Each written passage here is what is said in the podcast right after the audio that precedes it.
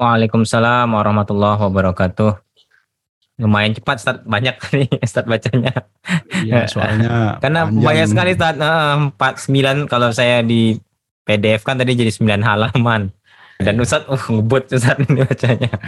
Baik, Alhamdulillah terima kasih Ustaz. Betapa suasana hati Kak Abim Malik pun ya tadi ya memang kualitas keimanan tuh disikapi berbeda lah ya Rasulullah. Kalau orang-orang munafik tuh ya di loskan aja gitu Ustaz ya tadi ya.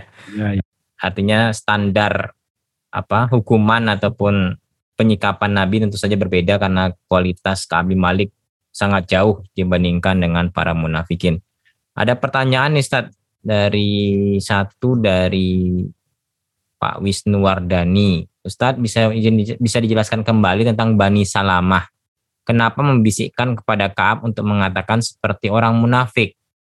Pada kasus yang lain saat ditabuk eh, laki-laki ya dari Bani itu juga mengeluarkan kata-kata yang tidak baik tentang Kaab. Saya lupa Bani apanya yang pas mem- yang apa tuh ya berlindung dengan jaketnya apa tuh kemarin Ustaz eh, pekan Ya. lalu itu. Monggo Ustaz. Ya, jadi Ka'ab bin Malik ini dari Bani Salamah sendiri. Jadi Ka'ab bin Malik ini salah satu dari Bani Salamah. Jadi ketika ya Bani Salamah ini kan banyak ya, banyak. Jadi ketika di Tabuk ya, ada dari Bani Salamah yang ngomong kalau dia begini-begini itu karena eh walau alam ya bisa jadi dia sebagai Bani Salamah itu ndak enak. Kok ada tokoh dari dia yang dicari-cari Rasulullah karena tidak ikut gitu. Jadi nggak nyaman dia sebagai Bani Salamah. Karena itu dia berkomentar dengan komentar yang yang kurang baik ya. Walaupun itu kemudian dibantah ya. Gitu ya. Ini secara psikologis bisa dipahami. Jadi mereka ini tidak nyaman kalau kok ada dari Bani Salamah yang tidak ikut gitu. Nah kemudian yang kedua kenapa sebagian dari Bani Salamah itu meminta untuk Ka'ab bin Malik menyampaikan alasan-alasan sebagaimana alasan-alasan yang disampaikan oleh orang-orang sebelumnya ya. Ya karena mereka ini kan tidak tahu orang-orang sebelumnya ini orang munafik. Jadi kan munafik itu kan tidak diketahui kecuali oleh Rasulullah dan beberapa sahabat saja. Jadi bagi mereka ya ya ya ini ya orang-orang muslim sebagaimana yang lain-lain. Ketika yang lain-lain punya alasan begitu dia bisa diterima, kenapa kok Kaab tidak tidak apa melakukan membuat alasan yang seperti itu begitu ya. Nah, saya kira bukan untuk mencontoh orang munafik, tapi karena mereka tidak tahu bahwa yang sebelum-sebelumnya itu adalah orang-orang munafik. Wallahu a'lam. Oh ya, terima kasih Ustaz. Ya, itu mungkin ya suasananya, ya memang nggak ada teksnya jelas ya, tapi, tapi suasananya seperti itu. Menurut saya juga, ya banyak kan yang diloskan saja gitu Ustaz ya. Jadi, ya itu wajar ya, supaya Kabim Malik mungkin ya, mungkin sekali lagi biar selamat juga, Bo. Ya sama aja ngomongnya gitu ya. Ya. Tapi alhamdulillah Kenapa nggak keiman. punya nggak bikin alasan aja seperti mereka Ya, mereka iya, kan betul sana. Uh, beres itu. ngarang ya. Ya. Ya, baik. Pertanyaan berikutnya, Ustaz. Saat menunggu keputusan dari Allah, eh, Rasulullah dan lainnya mengucilkan Kabi Malik ya. Apakah pengucilan tersebut adalah perintah dari Allah? Ya pastilah, tidak mungkin Rasulullah melakukan sesuatu itu atas inisiatif, inisiatifnya sendiri ya. Kalau atas inisiatif sendiri pun kalau misalnya itu salah pasti akan diluruskan oleh Allah. Kalau itu dibiarkan, itu artinya itu sesuatu yang dibenarkan oleh Allah SWT. Nah, lanjutannya Ustaz, apakah hikmah dari hukuman kedisiplinan tersebut dan dapatkah dipraktekkan saat ini Ustaz? Ya tentu ini tentu sebagai satu pembelajaran ya.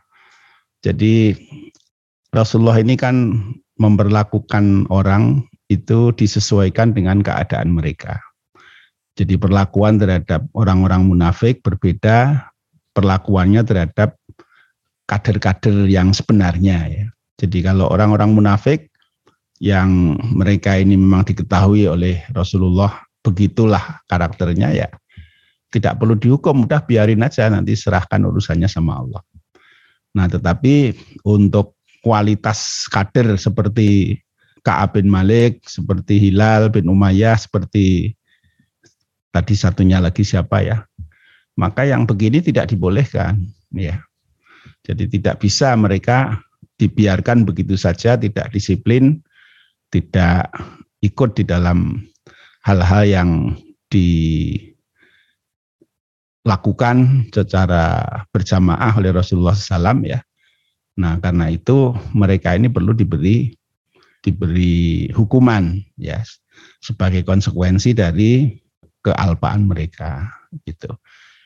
Nah, saya kira secara umum ini juga dikutip diakui oleh para ulama bahwa salah satu cara di dalam mentarbiah orang itu salah satunya adalah dengan ukubah dengan memberikan hukuman-hukuman ya. Nah, tentu hukuman-hukuman itu disesuaikan dengan eh, tingkat kesalahannya, disesuaikan dengan kondisi dari yang akan diberi hukuman dan lain-lain yang intinya hukuman-hukuman itu sifatnya tarbawian bersifat tarbawi jadi bukan menyiksa bukan yang lain-lain ya tetapi mentarbiah mereka supaya mereka menyadari kekeliruannya dan kemudian e, kembali kepada hal yang lurus.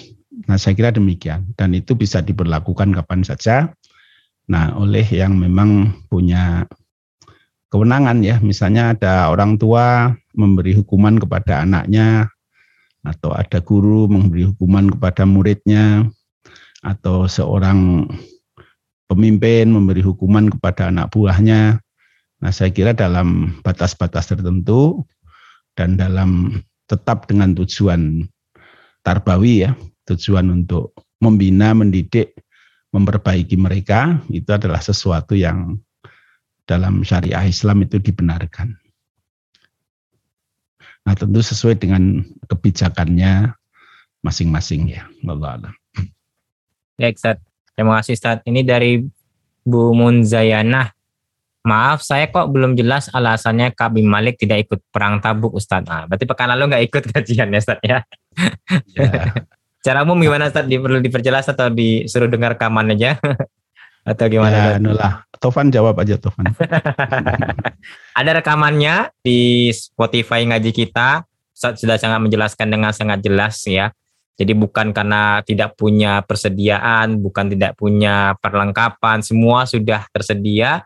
Malah itu yang membuat yang gampang-gampangin malah berlambat-lambat, akhirnya malah ketinggalan dan jauh ya jarak antara Madinah ke Tabuk itu jauh sekali. Nah, jadi akhirnya tidak jadi berangkat. Nah, padahal ya bukan berkesempatan ingin apa ya eh, nggak berangkat, tapi memang ada sesuatu yang menghalangi dia dan itulah hikmahnya kita mempelajari ini sehingga kita juga salah satu yang kemarin kalau sampaikan itu kan supaya kita tidak berlambat-lambat nunggu-nunggu melakukan kebaikan sekecil apa pun itu. Itu mungkin nanti rekamannya lebih lengkap. Saya sudah dengar dua kali juga kajian lalu Cukup Ustaz, tidak ada lagi pertanyaan. Dulu Ustaz, kalimat penutup monggo Ustaz.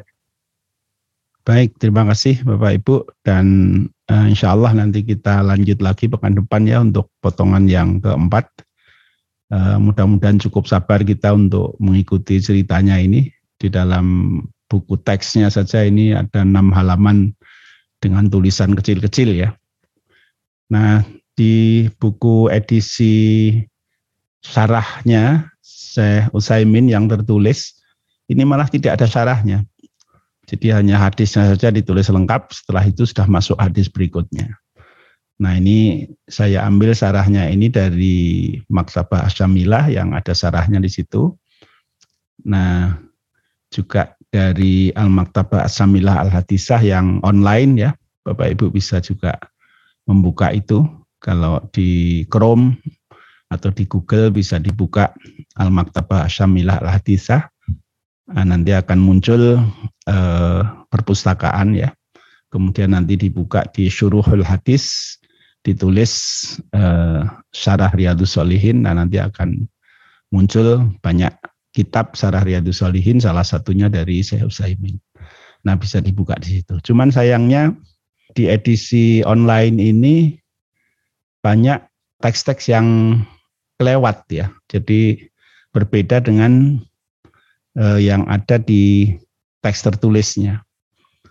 Nah karena itu saya kadang-kadang agak berlama-lama untuk harus meneliti kembali teks yang dari online itu untuk dicocokkan dengan teks yang dari kitab aslinya. Ada dan kadang-kadang harus nulis tadi agak terlambat sedikit karena setelah saya baca ulang ternyata ada beberapa baris ya lompat-lompat-lompat yang pada hilang dari teks online-nya. Nah, sehingga harus ditulis kembali. Jadi saya kira bagus kalau kita tetap punya buku Riyadus Solihin aslinya. Kalaulah kita membaca teks di online-nya, nah itu bisa di cross check ya. Eh, sehingga jalan kalimat-kalimatnya itu nyambung karena saya merasa aneh karena ketika dibaca loh kok tiba-tiba ini ada yang hilang sepertinya setelah dicek di kitab aslinya ternyata memang ada yang ada yang hilang. Demikian, mohon maaf atas segala kekurangannya. Bila itu. Assalamualaikum warahmatullahi wabarakatuh.